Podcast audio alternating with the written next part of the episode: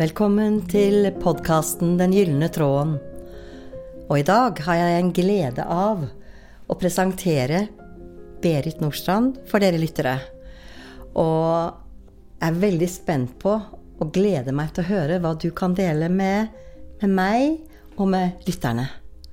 Så aller først, har du lyst til å gi deg selv en liten presentasjon? Ja, veldig hyggelig å være her. Jeg er veldig glad for å bli invitert.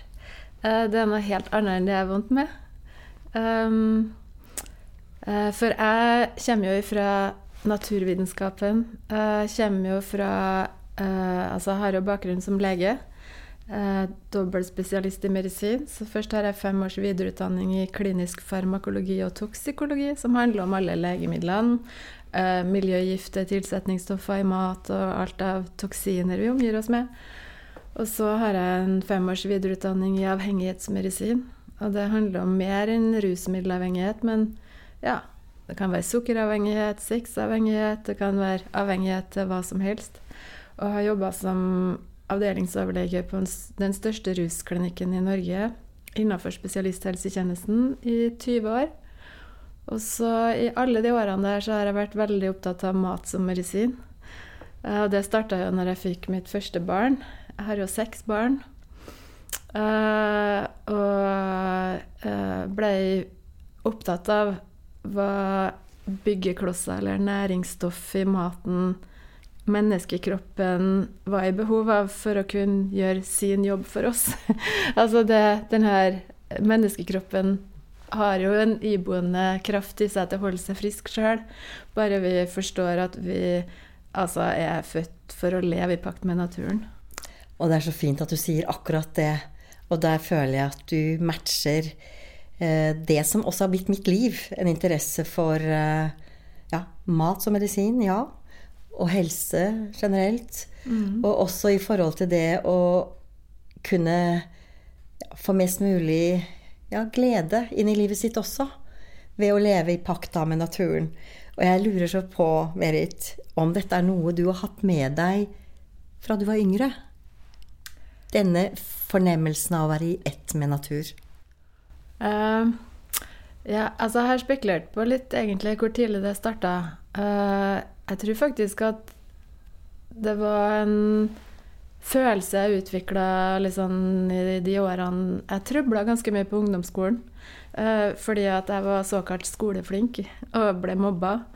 Um, og det er det jeg opplevde da, var at det ble liksom satt en merkelapp på meg ut ifra altså skoleflink. Skoleflinke liker vi ikke.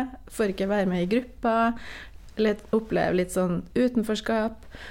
Og da våkna det en et uh, indre kraft i meg, på et vis, uh, som uh, en motreaksjon, føler jeg. Jeg var kanskje ikke så bevisst det da, men jeg har tenkt mye på det i ettertid. Um, hvor jeg kjente på at vi mennesker vi er så veldig mye mer enn eh, det som vises på utsida.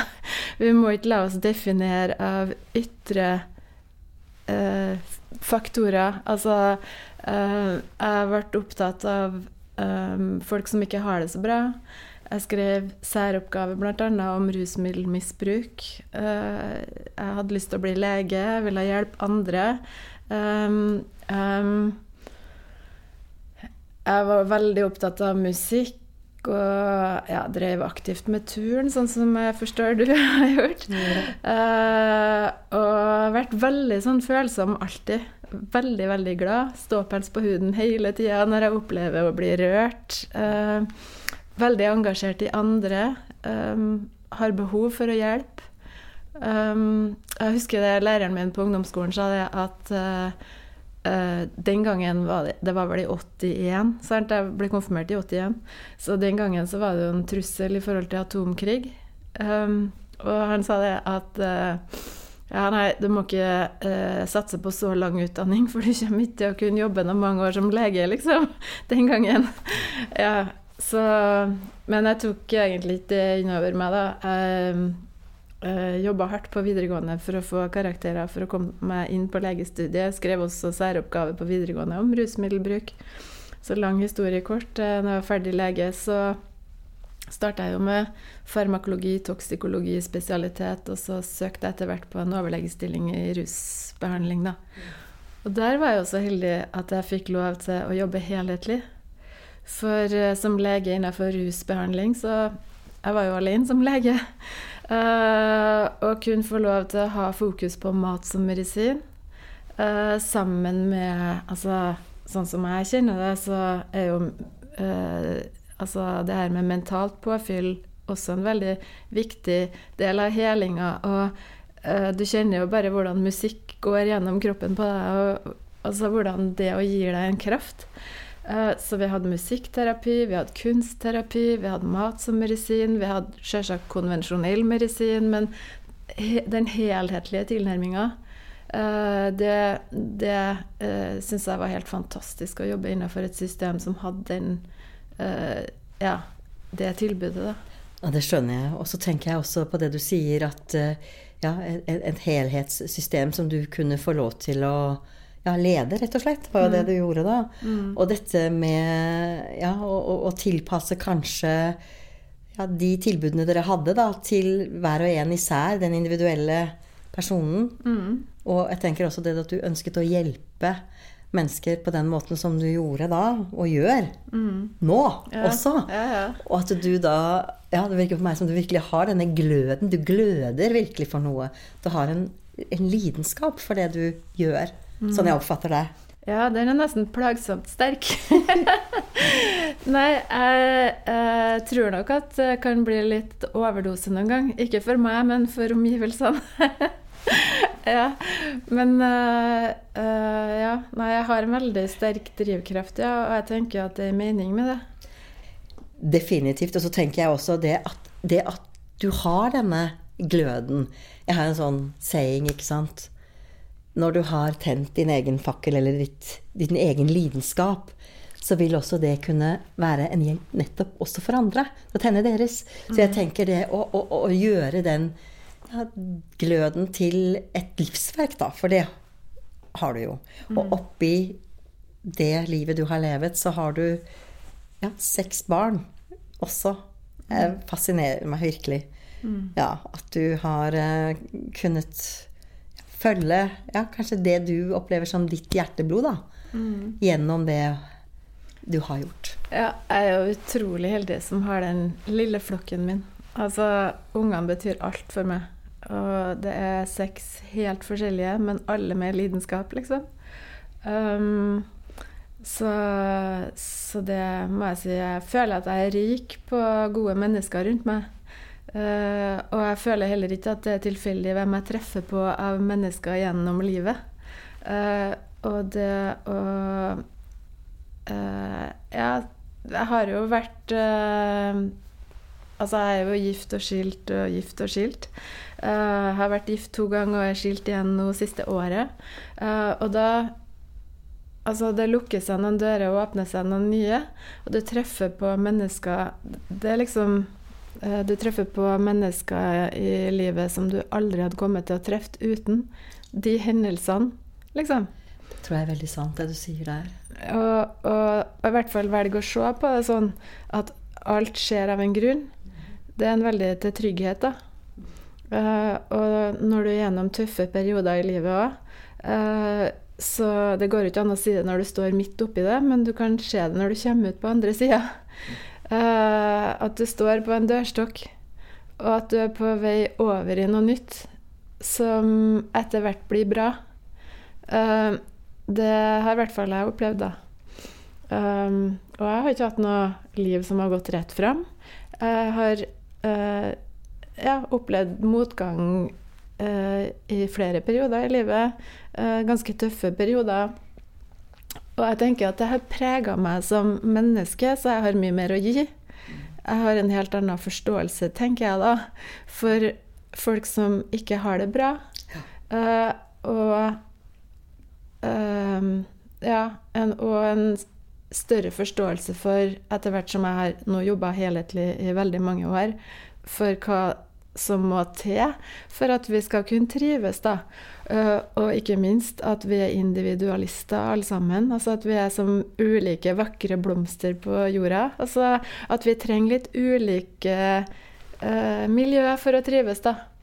Noen av oss er introvert, noen er ekstrovert, noen er ekstremt sosiale. Jeg eh, føler at jeg trenger ingen alenetid.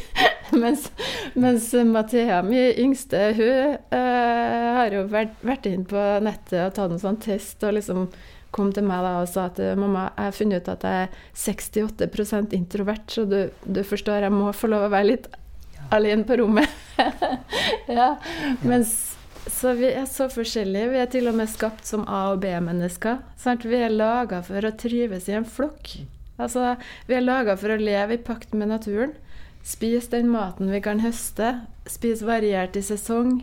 Uh, rene råvarer, selvsagt. Um, og, og, derfor heller ikke samme maten over hele kloden. Altså hva vi i Norge trives best på, det er en annen mat enn hva de i India trives best med. Altså, Sant. det er noe med det.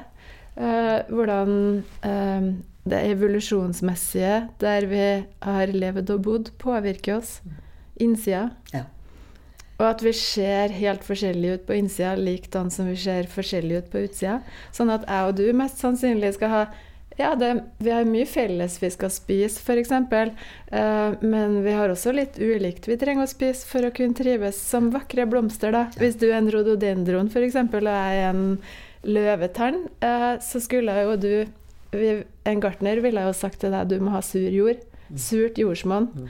Så du trives godt i Bergen, f.eks. Der blir du til et stort, vakkert tre. Mm. Mens hvis jeg tar med meg deg som rododendro, rododendron til Trøndelag, så får du feil jordsmonn. Og du vil fremdeles være en rododendron, og hvis du bare hadde vært i Trøndelag, så har du trodd at det var som en liten, beskjeden busk du skulle fremstå. Mm. Men du har ikke de rette betingelsene rundt deg til å blomstre til den fantastiske blomsten du er ment å være. Og det er litt den inspirasjonen og lidenskapen jeg har lyst til å bre. da. Mm. At ja, vi skal være forskjellige. Mm. La oss omfavne det og løfte hverandre for den eh, ja, vakre blomsten vi er. Mm. Altså, det kan høres ut som en klisjé, eller. Men jeg, jeg, jeg, eh, liker jo å snakke litt i bilder. Um, og jeg tenker at vi må bli flinkere til å ikke sette hverandre i boks og putte merkelapper på hverandre, men heller være nysgjerrig på uh, hvilke egenskaper og kvaliteter vi, vi har. Mm. Det er akkurat det, og jeg tenker at i det du sier, føles jo ikke som en klisjé. Det føles jo som et uh, ja, som et, eh, et stort, stort blomsterhav. Det er ja. jo fantastisk. Og så tenker jeg også på dine, da, din vei og dine kunnskaper og ja, verdier som du har nå med deg, selvfølgelig, fra det, alt det du har ja, studert, altså som du sier, farmakologi, og mm. hva det betyr igjen i denne naturlige sammenhengen. Du har jo en Ja, jeg føler at du virkelig har det så inne. Mm. Det du deler, så det blir jo langt ifra en klisjé når jeg sitter og hører på deg. i hvert fall. Ja, men Det ja. som fascinerer meg sånn, da, mm. er jo Altså, jeg, jo, jeg, er jo litt sånn nerd. Jeg søker jo kunnskap hele tida. Og jeg våkner jo tidlig om morgenen og leser forskning et par timer hver dag. Og det som fascinerer meg, er jo hvordan eh, alt liksom Fellesnevneren naturen hele veien. Altså alt kan eh, eh, Uh, altså alt, alt av uh, le legevitenskap, naturvitenskap, altså alt av uh, basalforskning Altså, det viser oss bare om og om og om igjen ja, vi er laga til å leve i pakt med naturen. Mm. Stress gjør oss sjuke. Uh, en solnedgang senker kortisolet, demper stress. Uh, altså fuglekvitter altså Hvis du tar spyttester, psykologiske studier viser at kortisolnivået dempes når vi står på en høyde og ser utover uh, fargerik natur. Altså, vi eh, demper kortisolet av kontakt, hudkontakt. Vi, vi, må gi hverandre enda flere gode klemmer, og takk Gud for at covid er over. Er en sånn veldig klemmer, da. Eh, og eh, hvordan vi til og med er utstyrt med en tarmflora som er unik for hvert enkelt menneske, og hvordan det er jordsmonnet vårt. Og hvordan vi, eh, sånn som jeg har skrevet om i bøkene 'Tarmens medisin' og 'Omstart', de siste bøkene mine, at eh, når vi får opp øynene for eh, hva som skjer med immunforsvaret og helsa og livskvaliteten når vi begynner å leve i pakt med naturen og spise den maten de gode tarmbakteriene trenger for å gjøre sin jobb, altså da skjer det underverker. Vi må bare glemme kaloritelling og sultefòring og offer og forsakelse. Altså, livet skal være en nytelsesreise når det gjelder mat. Ja, vi, vi øker forbrenninga vår når vi begynner å spise i tråd med hva bakteriene i vårt jordsmonn trenger for å styrke seg og, og, få gjort jobben sin og få tatt opp næringsstoff og produsert masse signalstoff som demper angst og uro og uh, ja, til og med gjør oss sosiale. Tenkte jeg det? At det er tarmbakterier nedi mørket bak navlen din som når de får det fôret de trenger for å bli sterk, produserer signalstoff og hormoner som gjør deg glad. Det er helt magisk. Det er fantastisk, men, og når forskning viser det, så må vi jo ta med oss det inn i behandling av pasienter. Så når vi, når vi slår sammen mat som medisin og konvensjonell legemiddelbehandling, det er jo da vi virkelig kan briljere, tenker jeg. Det tenker jeg jo, og jeg syns det er så fascinerende det du nå også deler. Fordi det har jo vært en del av mitt liv, rett og slett, å bry meg om disse tingene. Mm. Og sånn som når du også kan bringe det inn i det forskningsbaserte. Og jeg tenker du sa jeg liker godt bilder, og jeg tenker sjelen er jo veldig glad i bilder ja. også. Så når du beskriver det på den måten du gjør, så går det jo an for mange å forstå hva du deler. Mm. Og kunne bli virkelig fascinert og interessert, og ikke minst, tenker jeg, inspirert ja. til å ta det til seg. Ja. Mm. Og jeg håper alle som hører på, som føler at de ikke er helt på plass, altså kjenner at det er noen ting som skurrer, men ikke får noe gehør for det fordi det ikke finnes noen diagnose for akkurat den følelsen de har. Mm. Så ikke gi opp. Ta tak. Eh, Tenk mat som medisin. Mm. Eh, eh, bli din egen bestevenn. Um, praktiser altså mindfulness. Søk liksom tilbake til våre røtter, hvis du uh, skjønner hva jeg mener. Uh, for det er der du finner uh, altså helse og, og kraft. Og det, det, det fins en forklaring når det, det, er en slags biologisk ubalanse. Men det er så lite kunnskap i konvensjonell medisin da, eh, om eh, det her evolusjonsmessige. Eh, det er eh, det her sammenhengen mat og syke f.eks. er altfor lite fokus på, selv om det er forska masse. Det fins mengder med vitenskapelige studier på det. Så er det liksom ikke implementert, da. Du finner saft og wienerbrød på korridoren på en psykiatrisk klinikk. Altså, Uh, det skulle ikke være sånn. Og jeg, jeg, påstår ikke at uh, mat er årsak til psykisk sykdom, men jeg påstår at mat alltid kan lindre. Mm. Ja. Og det tenker jeg er veldig fint akkurat det du sier. Og, og, dette med på en måte ha denne interessen for, eller bli inspirert til å ha en interesse for å ja, søke litt dypere da, mm. i det feltet som jo kan være nærende. Mm. Jeg er så opptatt av hva er det som nærer, og hva er det som tærer, ikke sant. Ja. Og nå har du delt dette med disse, ja, hva kaller man det, tarmbakterier, mikrobiomene våre, ja. som da også eh, altså har sitt eget liv, som jo da kan eh, så sterkt påvirke følelser. Mm og eh, det hormonelle og signalstoffene, som du sier. Mm. Og så sa du noe fint i sted også. fordi også noe som jeg er veldig opptatt av, dette med sansene våre. For det er så mye i vår tid nå som kan gjøre at vi stenger av ikke sant, sansningen vår. Mm. Både det at det, det, er for, det, er så mange ting vi må ta stilling til, er nå én ting, men vi ser, vi har så masse sanseinntrykk, altså se og høre, så vi stenger litt av dette sanselige. Så tilbake til dette med å gå ut, sånn som du sa, ikke sant. Mm. Og nettopp i naturen, når vi også liksom, beveger oss i naturen, mm. så åpner vi jo, kan åpne sansene våre. Og jeg vet at vi deler noe i dette feltet her, så hva gjør du når du trenger å ja. Litt påfyll? Ja, når jeg trenger påfyll, ja, vet du hva. Eh, jeg vet ikke helt hvorfor, men jeg er i hvert fall uh, laga til å trives på sjøen. Uh, så når jeg kjenner sjøluft, så er det som får Det er som balsam for sjelen. Jeg får liksom fylt alle batterier, og jeg trenger ikke å bruke mer enn to minutter med, uh, ved, ved, sjøen eller på sjøen. Så jeg, jeg, altså, jeg kjenner jeg er hjemme, da.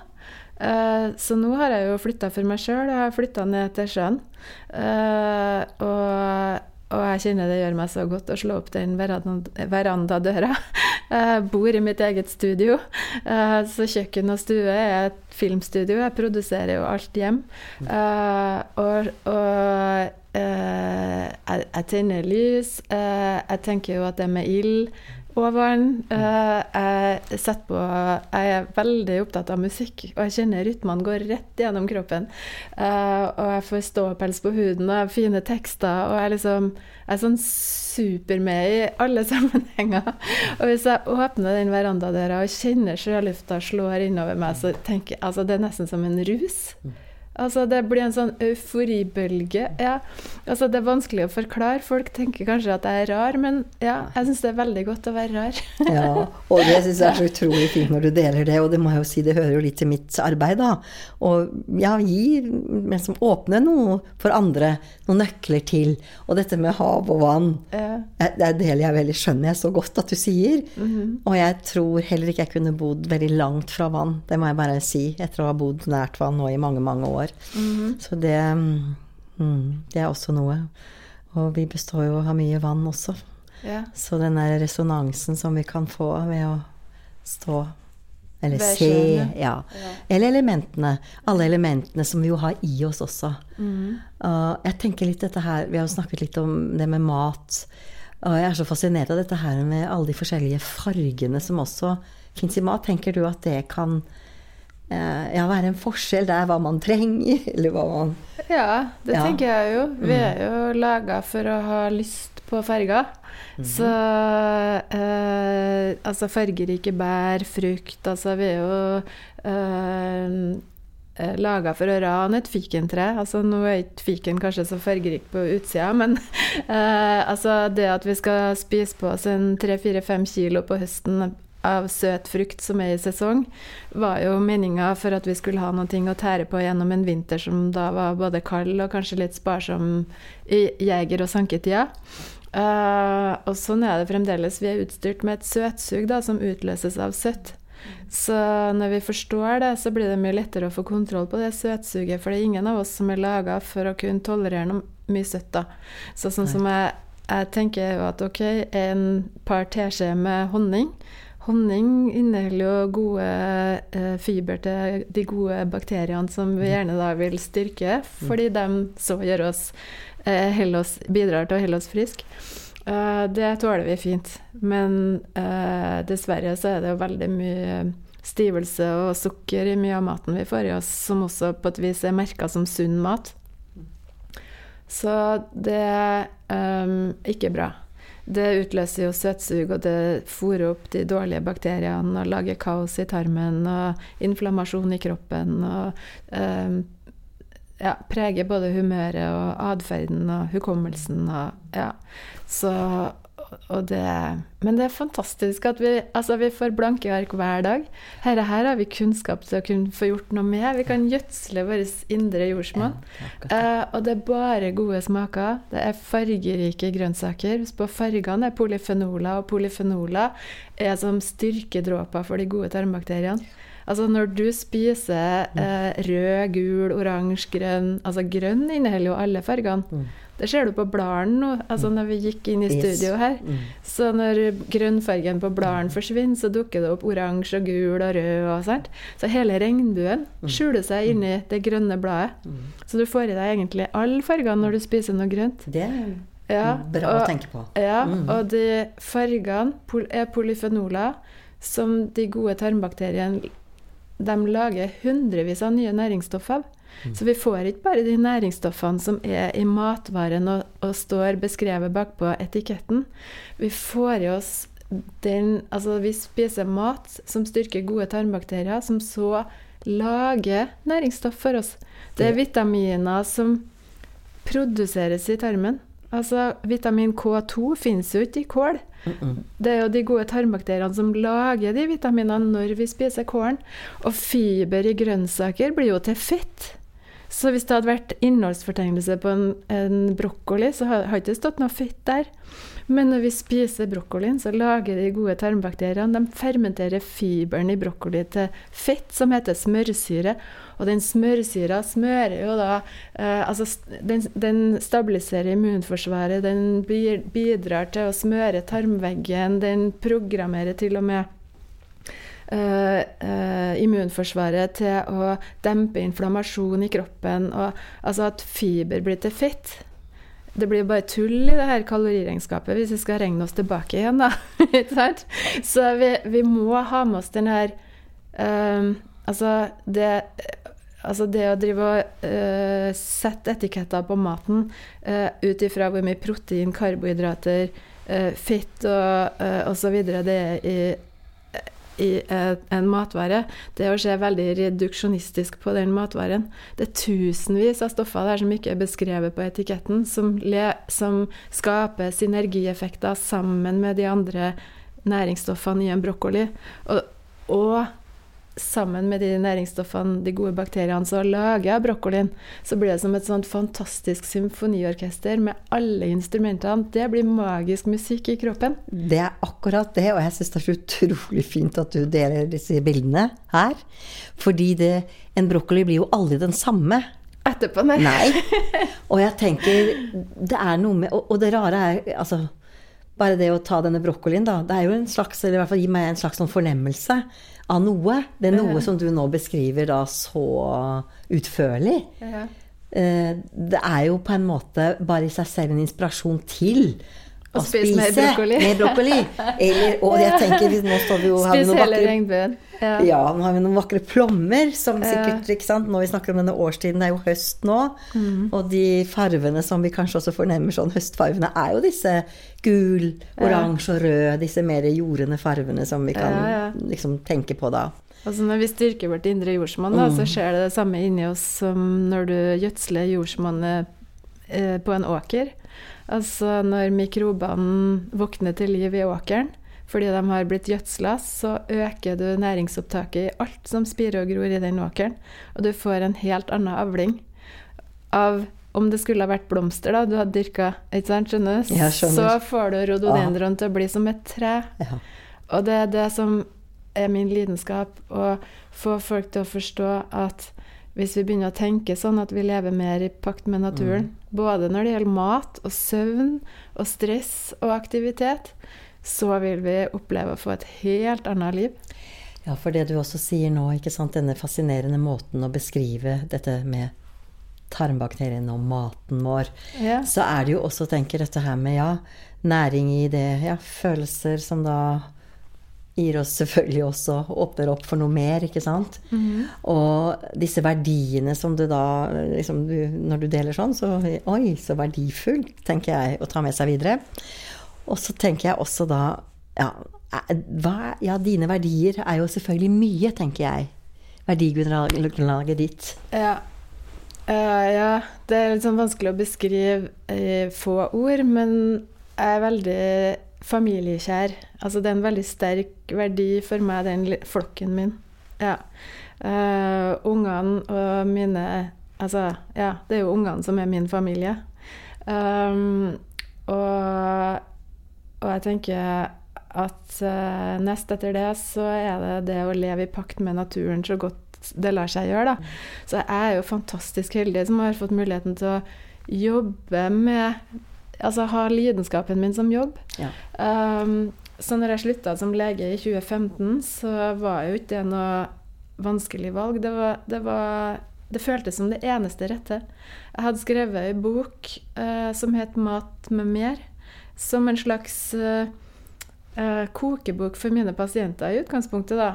Fordi vi hadde jo fokus på helhetlig helse i klinikken. og og det var ikke bare min ære, det. altså Det var hele teamet med psykolog og sosionomer og sykepleiere. Vi var helt enige alle sammen om at den tilnærminga her måtte være fantastisk bra.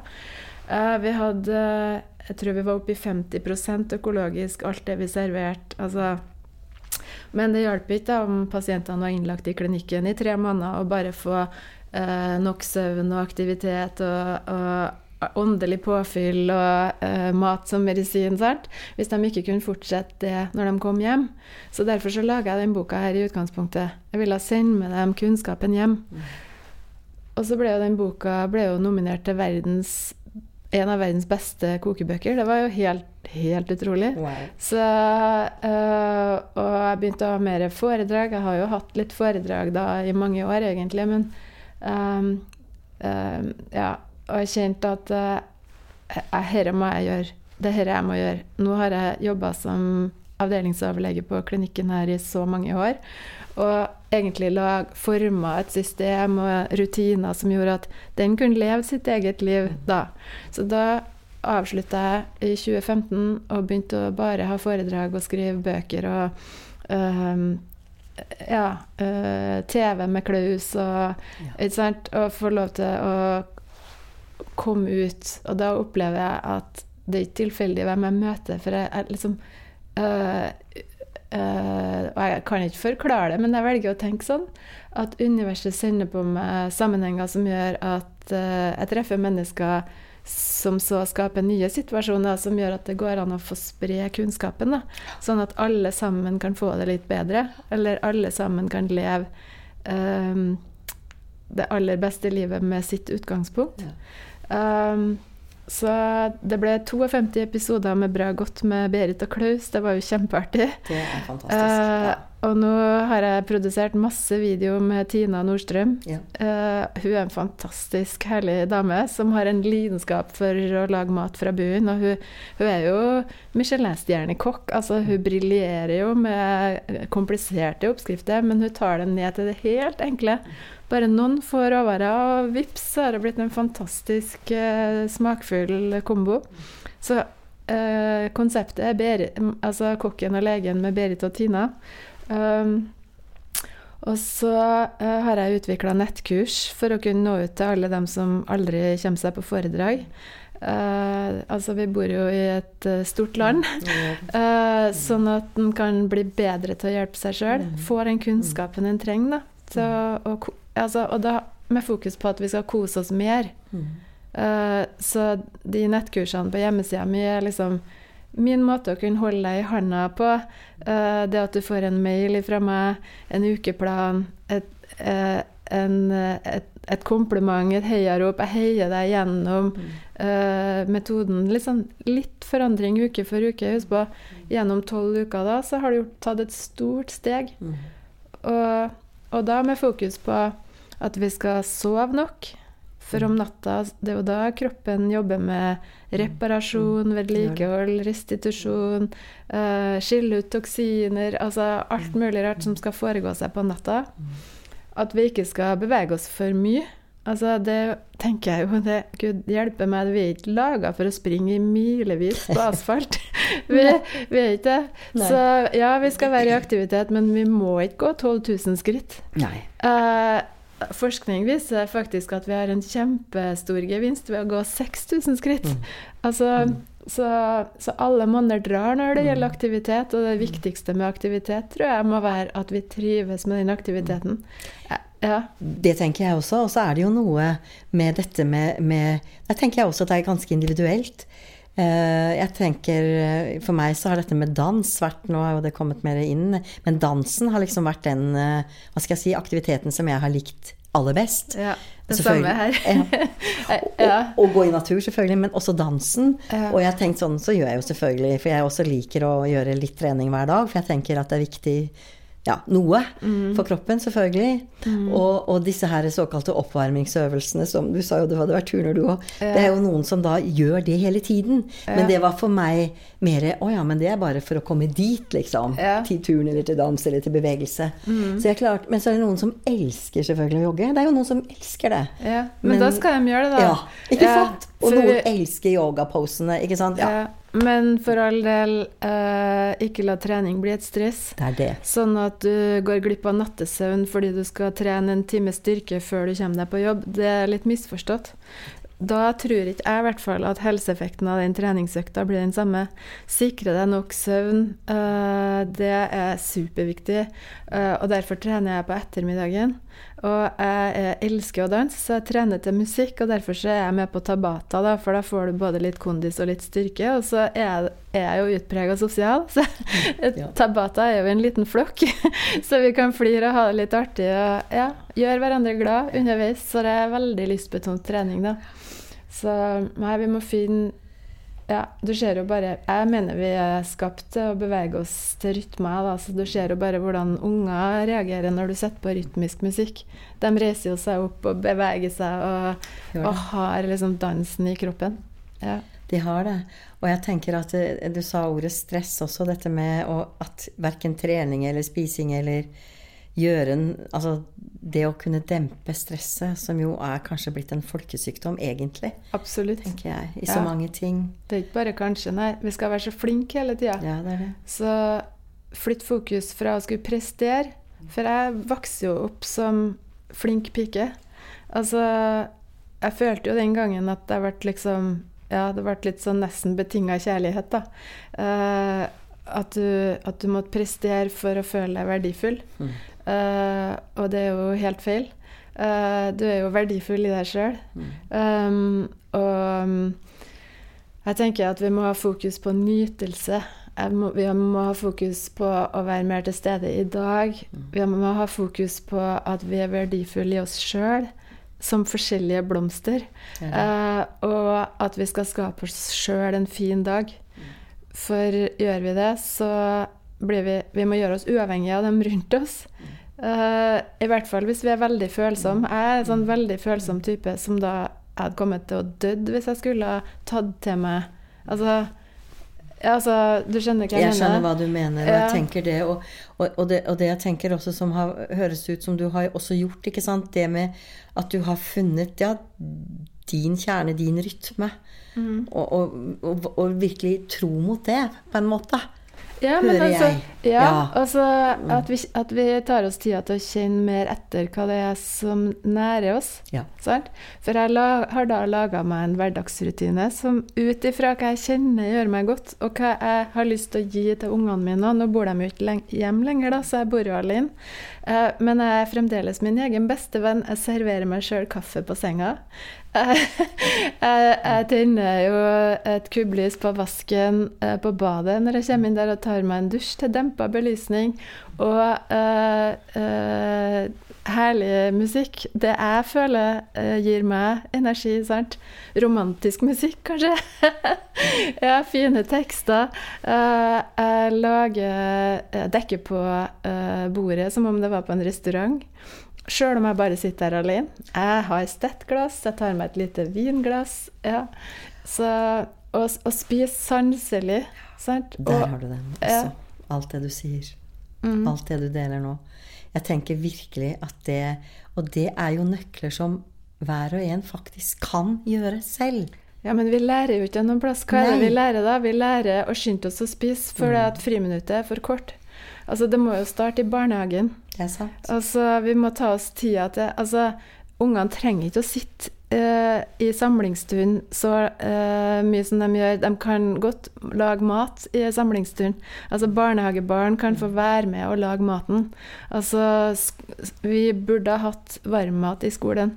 Uh, vi burde ha hatt en time spisefri til lunsj. altså vi prioriterer så feil. Det er så sant. Ungene må lære seg å spise sanselig mm. når de er på skolen. For de lærer jo ikke det hjem. Altså vi, vi, må starte noen plass og gi den neste generasjonen den kunnskapen. Mm. Og, ja. og, det du sier, har så mye med altså, denne oppmerksomheten. Dette å åpne litt mer for det sanselige. At når du virkelig Ja, og det må læres til den neste generasjonen. Jeg tenker bare sånn som du nå forteller hva du gjør om morgenen. Og jeg har ofte sagt altså når du står i dusjen, så vær til stede i dusjen og kjenn vannet. ikke sant? Ja, ja. Eller, og, og lag dine, dine, små ritualer. Mm. Og det er en av mine kjepphester. De, de, ritualene du kan lage for deg selv. Ja. Også selvfølgelig sammen med andre. Men jeg tenker det begynner jo på en måte der. At du, mm. du ja, lærer jo bort, eller gir videre denne flammen, da. Ut fra at du også praktiserer det selv. Ikke sant? gjør det. Gjør det. Ja, på gode og dårlige dager. Ja. He helt likt. Nettopp. Jeg tvinger meg gjennom de samme rutinene på dager hvor jeg kjenner at jeg kan stå opp med litt sånn klo i magen og litt mm. bekymring. Ja, Uh, fordi jeg vet de rutinene gjør meg godt. det er det. Og ja. Det er akkurat det. Og på et, jeg tror det er det de mener når de sier 'small hacks'. In Ja. the American style, you Ja. Så jeg kaller det nøkler. Ja. Ja, og, og det er klart at hver en må finne sine nøkler, men jeg har også sånne, disse ritualene som er veldig viktige for meg i løpet av en dag. Mm. Og, og jeg tenker også dette med å gi seg den tiden som det tar å åpne for denne sansningen, det er jo det som også nærer, og det motvirker stress. ja, det gjør det. Men eh, da må vi legge oss tidlig nok til at vi ikke har det travelt morgenen. også. Og jeg tenker eh, Ja. Og det er noe der med, som du sa, med A- og B-mennesker igjen. Jeg tenker at jeg Jeg vet ikke helt. Jeg, eh, jeg tror nok kanskje jeg et eller annet sted er B-menneske.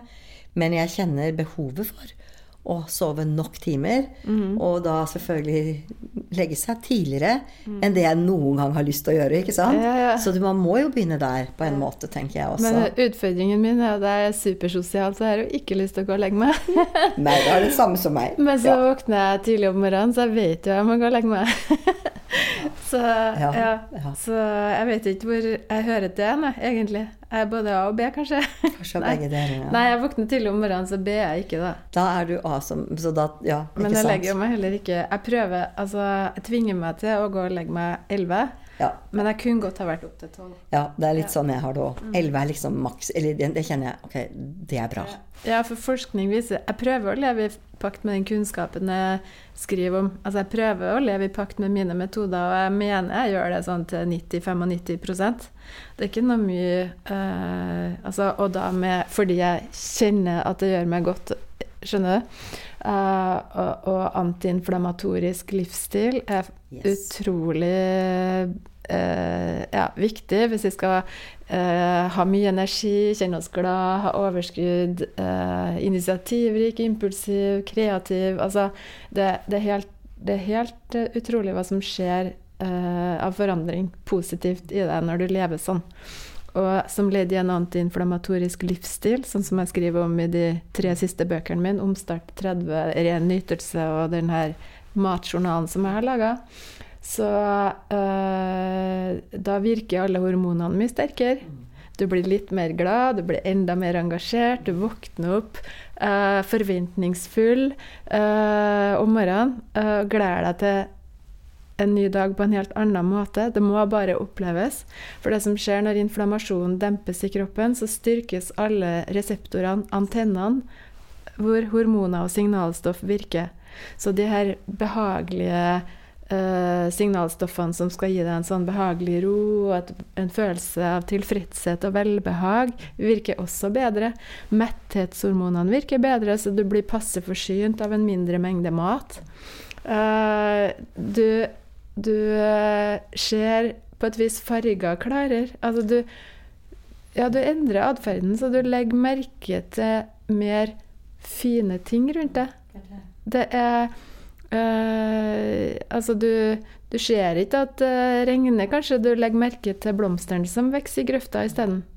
Så du, det her med å gå fra et halvt tomt til et halvt fullt glass, det, det skjer litt automatisk. Og det tenker jeg det her symfoniorkesteret som begynner å spille på innsida. Det tror jeg også. Og jeg tenker at det der med ja, de, de ordene som også på en måte kommer til meg, da, og som treffer meg også nå, det er jo dette næring og nytelse og alt det andre. Og det å ha det med seg og i, inn i hverdagen. Og åpne for alt det du sier som dette vakre symfoniorkesteret innenfra og ut, ikke sant? Ja. Og at det er dette samspillet mellom kropp og sjel, da. Men så tenker jeg jo nå, da, når jeg sitter og snakker sånn, at ok, når jeg var, bodde alene med fem barn uh, i alderen ett til åtte eh, Hvor mye nytelse hadde du da, liksom? Ja, det men er går- også sant. Men jeg altså, tenker på folk som hører på nå, som har et liv som, hvor de tenker at nei, altså, dere kan jo sitte og snakke, dere, ungene har jo flytta hjemmefra, og det er ikke uh, henting og bringing i barnehage lenger, og bla, bla, bla. Ja, og det har jeg full forståelse for, for jeg har jo vært der òg. Men den gangen òg. Altså, jeg, jeg fikk jo denne måten å leve på da jeg, eh, lenge før jeg fikk barn. Eh, eller måten å tenke på, da. Eh, og jeg tenker at eh, her handler det om å, å rydde seg øyeblikk til nytelse i en hektisk hverdag. Det er jeg så enig i. Og, og det er jo det der lille stoppe opp, ikke sant? Den der lille puste inn. Og liksom bare vente inn. Og det kan synes at det tar lang tid, men den der lille stoppet Fordi når vi ofte da er i ja, Hjernefrekvensene våre endrer seg jo selvfølgelig. Men når vi da går inn i den der hurtige rytmen som stresset er, det er ikke sikkert at eh, ting går noe fortere. Nei. Men det er en holdning. Og det er jo klart at det er jo tøft i dag, som du sier, med barn som skal i barnehage og ja, skole, og alt skal skje. Men det der, jeg tror at dette med holdningene, å kunne endre holdninger, at det også er noe for alle. Også alle småbarnsmødre. Ja, og så vil jeg også si at Vet du hva, når jeg bodde alene med ungene sånn, så jeg levde helt annerledes enn dem rundt meg. Jeg, eh, jeg, jeg laga ikke middag til klokka fem. Jeg. Jeg hadde ikke sjanse til å få middagen ferdig før uh, ungene skulle på uh, dans. Så vi åt kveldsmat klokka fem, vi. Uh, og så laga jeg noe som ligna på middag halv åtte. For det var da jeg hadde muligheten til å få laga middag. Så ikke tenk så mye på hva andre driver på med, og finn din egen vei. For eh, det er ikke så farlig. Det har heller ikke så mye å si om det flyr noen hybelkaniner borti hjørnene. Altså, vi blir bare friskere av å ikke ha det så rent hele tida rundt oss. Uh, og hvis du føler for det, legg deg ned på gulvet uh, mellom ungene og legoklossene og rotet og bare Trekk pusten og uh, vær til stede. Og så om middagen ikke står på bordet, så går det helt fint. Det går an å smile sammen en omelett. Det altså, det, det er ikke så farlig. Det er ikke så farlig. Det er Nei. helt sant. Det er ikke det. Nei. Og jeg tenker, Men det er veldig fint at du sier det også. Så tenker jeg på i, eh, i det engelske. For jeg bodde tre år i England med små barn. Ja. Og der hadde man jo en annen rytme. Der hadde man ti, og så kom man til middagen litt seinere på kvelden. Ja. Ja, så det, det var jo noe jeg syntes var veldig fint, egentlig. Ja, det tenker jeg også. Jeg, jeg har aldri bytta tilbake der. Jeg Nei. spiser fremdeles middag som kveldsmat. Ja, for at jeg er jo på trening eh, seks til sju. Og det er jo Mathea òg. Når jeg bor til meg annenhver Mm. uke, så er hun på dans når jeg er på trening. Mm. Eh, og da spiser vi middag halv åtte-åtte. Mm. Og det er liksom Det spiller ikke noen rolle hva måltidene heter. Eh, det, det som spiller noen rolle, er at vi får den næringa vi trenger. At Mm. vi styrker tarmfloraen, for da styrker vi kroppen og sjelen, hjernen. Ja. uh, og at vi koser oss. Mm. Det er så at vi koser oss, ja. Så jeg skjenker i ja, kombucha i sterkt glass, eh, litt rødvin til meg. Uh, og jeg drikker faktisk et lite rødvinsglass hver eneste kveld. Og, og jeg er jo spesialist i rus og avhengighetsmedisin, så jeg vil ikke oppfordre folk til å drikke mer enn de gjør fra før. Nei. Men eh, jeg tenker jo at vi i Norge har godt av å tenke eh, og tilvenne oss et mer middelhavs drikkemønster, hvor vi dri drikker mindre på helg og kanskje kose, sprer det litt mer utover. At vi Mm. koser oss med litt mer vin Mm. istedenfor sprit. Altså, ja. Så um, i hvert fall om du ikke ja, Kombucha eksempel er jo alkoholfritt. Mm. Det er jo perlene som champagne. Det er jo kjempegodt, og det lager jeg jo sjøl. så det drikker vi jo hver dag. Så um, Og vi Jeg pleier å si, eller jeg og Mathea, da, vi har lørdagskveld hver kveld. Så Ja, når du spiser middagen sint, så Ja. får du en lørdagsfølelse bare av det. Det er sant. Ja. Mm. At du planlegger dagen før hva du skal kose deg med neste dag. At du kanskje har ei tavle på veggen hvor du skriver opp menyen til neste dag. Hvor du, ja, og hvor du eh, også kanskje forplikter ungene litt i å lage den hyggen. Sånn at de lærer seg å bidra til å skape lykkefølelse. Det er jo en utdanning i seg sjøl. Det er det. For husk på når, og det tror jeg kanskje har prega mine unger litt, at vi måtte brette opp armene og hjelpes åt for å få kabalen til å gå opp. Selvfølgelig. så, ja. Og det har ungene bare godt av. mm. Det er også sant. Skulle vi få vaska huset, så var det bare å dele ut Mm. eh, støvkluter til alle småttisene og sette på Shania Twain på full vreng. og jeg hadde på meg treningsdrakt, og vi hadde det som leik, da, Ja. å få vaska huset. Mm. Ja, og det var jo kjempeartig. Og, det, og ja, det bekka i bøtte innimellom, men Altså, who cares? Ja. Ja. Og det er også stikkord, tenker jeg, det med det kreative. ikke sant? Hvordan du gjør det. At når ting blir en lek, eller den lettheten, så gjør det en stor forskjell. ja. Og så kommer jeg til å tenke på noe som vi også pleier å ha som et lite tema i podkasten. Og det er dette her med Nå har vi vært inne på så mange fine ting, men har du et forhold til at det er noe mer? Altså noe spirituell, eller det åndelige, eller det mer utenfor den fysiske eksistensen, som også er med oss i dagen fra et annet nivå. Ja, det har jeg jo. Eh, Jeg har jo opplevd flere ganger i livet situasjoner som vanskelig lar seg forklare. Ja. Det første jeg tenker på, er kanskje eh, da mammaen min døde. Eh, det var i 2015. Um, og hun døde av brystkreft. Og hun På slutten der så avtalte jeg med hun at uh, Og hun, hun var så svak da at hun kunne ikke prate lenger, men hun, hun kleip meg i handa da, som en slags svar. Uh, så jeg avtalte med hun litt som i indiansk filosofi at uh, du, mamma, når du havner på andre sida, uansett hvor det måtte være, så må du vite at, at altså, du, du, er med, du er med oss fremdeles. Jeg vil tenke at du fins i vinen. Så når vinen blåser og stryker meg på kinnet, så er det en god klem fra deg. Uh, og det, da så jeg på mamma, det rant en liten tåre. Og det Ja. um, og i begravelsen Så det var helt vindstilt. Um, kom ut på trappa, det var fremdeles helt vindstilt. De hadde båret ut den kista.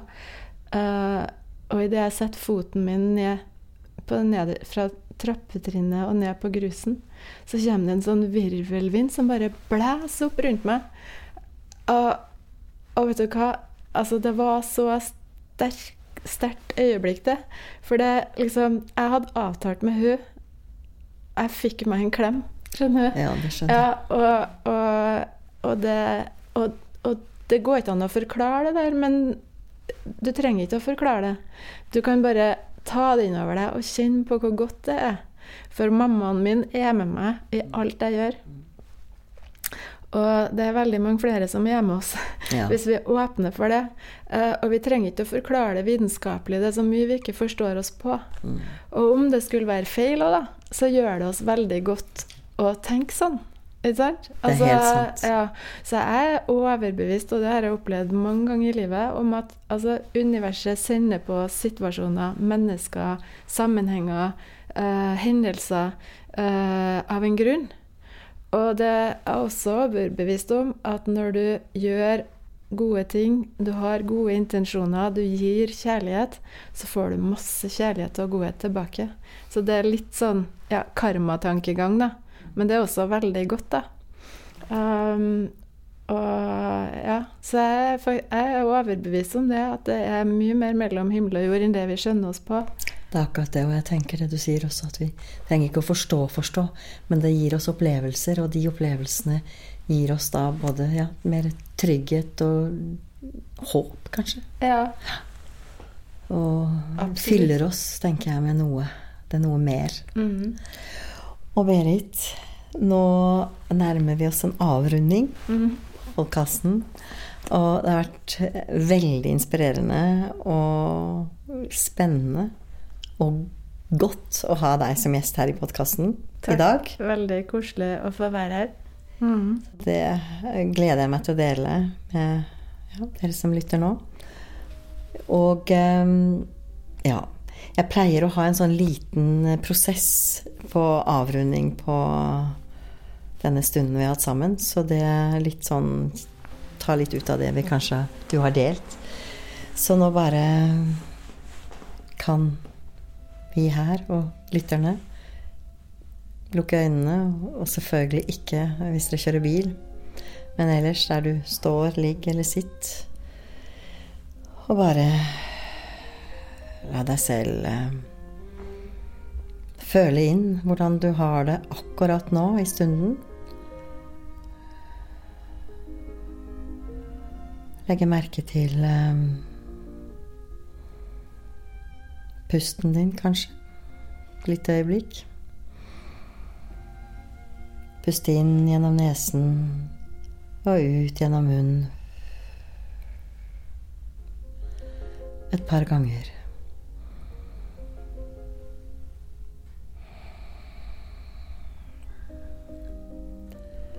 Og så må du gjerne legge en av hendene dine over hjertet, for det er med på nettopp denne kontakten med, med deg selv. Og der hvor du legger hånden, vil du få mer fokus. Så det å legge deg over hjertet, over brystkassen Og bare kjenn hvordan det er akkurat nå. Det er nesten som å gi seg selv en klem. Og berøring, den sender Gjør at nervesansecellene sender impulser til hjernen, som frigjør oksytocin, som vi kaller for ja, kjærlighetshormonet, eller fred og ro-hormonet. Og det kan synes enkelt, men å gi seg selv et sånt lite pusterom på noen minutter i løpet av en dag er også med på både å gi deg en følelse av å kunne lande litt inn og få kontakt med deg selv, følelsene dine, med hjertet ditt. Og nå må du gjerne se for deg et landskap. Se gjerne for deg at du kommer ut av en ja, ut av skogen. Men du er nær en strand.